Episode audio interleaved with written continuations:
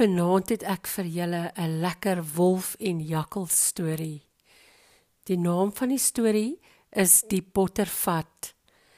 Sit nader en luister lekker. Jakkals en wolf loop in die pad, loop in die pad, loop in die pad.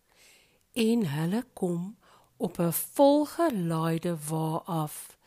Dis net die een faadjie op die ander. Nee, ek ken daardie faadjies, sê Jakkals. Hulle is vol botter. Kan ons dan nie enetjie bykom nie? vra Wolf Watertand. Ja, ons kan, sê Jakkals. Gaan lê jy voor in die pad en maak of jy dood is.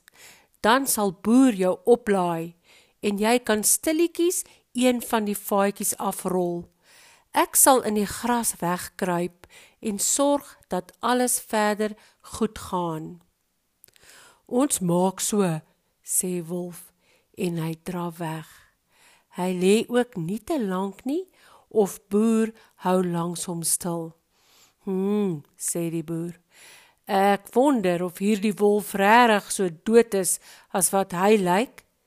En hy lig sy sweep en vee wolf 'n paar houe oor die blaaie. Maar wolf verroer geen ooglid nie. Ja nee, sê die boer. Die ou is klaar praat.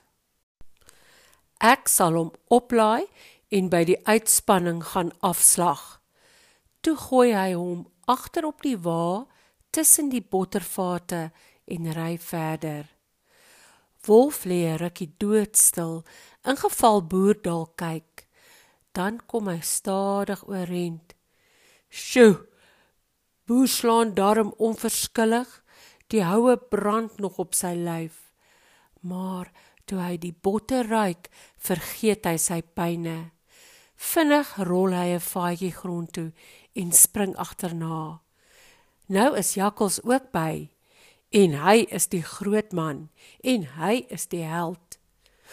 Ons het boer darm lekker gekil, né wolf?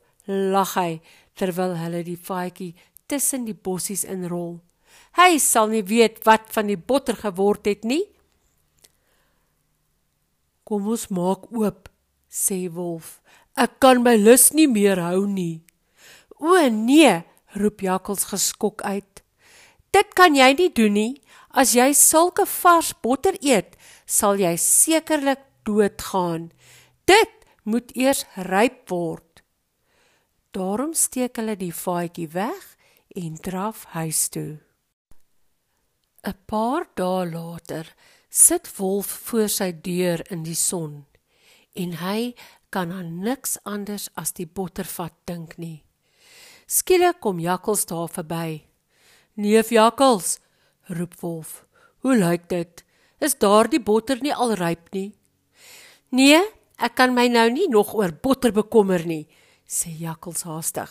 My vroutjie het 'n kleintjie en ek moet haar laat doop. En wat gaan die kleintjie se naam nogal wees? vra Wolf belangstellend. Fliks begonne, antwoord Jakkals en hy draf ongemaklik weg want sy maag staan eintlik knop. So fliks het hy daardie oggend aan die potter begin eet. Wolf wag nog 'n paar dae, maar toe kan hy dit nie meer hou nie en hy keer Jakkals weer voor. "Wat van die botter, neef Jakkals?" vra hy. "Ag nee, Wolf," sê Jakkals kastig hartseer. "Jy sal my nou nie wil glo nie, maar daar is alweer 'n kleintjie wat gedoop moet word." En wat gaan sy naam wees? vra Wolf nuuskierig, want hy het by homself al baie oor die snaakse naam van Jakkals se eerste kleintjie gelag. Eerste hoepel, sê Jakkals, wat die botter daardie oggend tot by die eerste band om die vaatjie laat sak het. So hou dit week vir week aan. Wolf doen navraag maar jakkals laat net kind doop. Tweede hoepel, derde hoepel, vierde hoepel, al op die ry af. Wolf is naderhand raad op. Hy wil nie meer dink nie, want sy gedagtes is net botter. Hy wil nie gaan slaap nie, want hy droom net van botter. Toe maar, nee wolf, sê Jakkals een oggend. Môre sal ons beslis gaan. Ek het vandag my laaste kind laat doop. Dis nou seker sewende hoepel, sê wolf half nors, want Jakkals se kindername is glad nie meer vir hom snaaks nie. O nee, sê Jakkals steun steun. Sy naam is Boomskraap. Die volgende oggend, vroegdag, is Jakkals daar soos hy beloof het en hulle dra weg na die botterfaatjie toe. Ai nee wolf, daardie botter gaan darm lekker smaak, sê Jakkals. Ja, sê wolf en hy stoot 'n bietjie vinniger aan. Dit gaan nou so ryp wees as wat jy botter kan kry, sê Jakkals. Ja, ja, sê wolf en hy begin galop. Ek voel al hoe dit in my mond wegsmelt, hou Jakkals vol. Maar wolf antwoord nie eens nie. Hy kan nie. Daarvoor watertand hy te veel. Hulle kom by die vaatjie en maak oop. Dis boomskraap. Nee, kreun Jakkals. Nee, kreun Wolf. Dis jy, sê Jakkals. Dis jy, sê Wolf. Al yander klip sal mander een woord op die ander.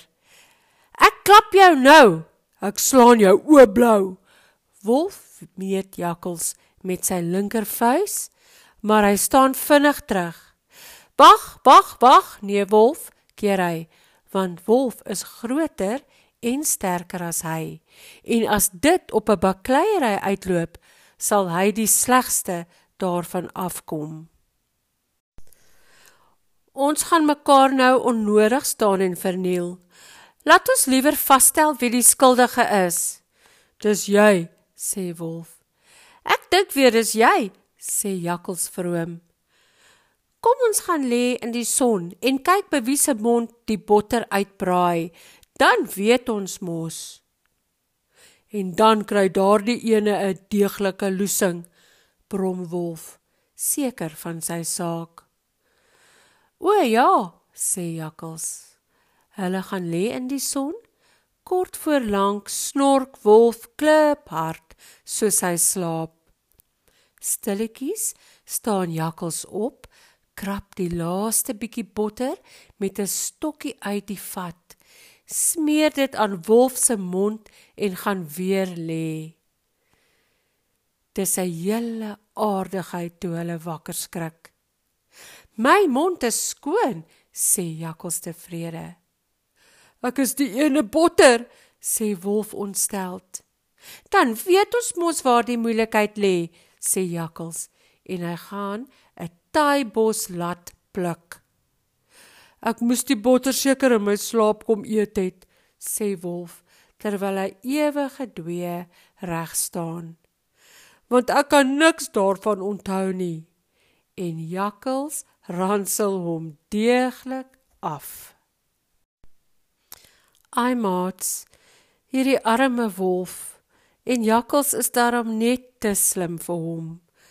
Volgende keer lees ek weer vir julle 'n storie waar wolf en jakkals skape gaan steel. Julle moet nou lekker slaap.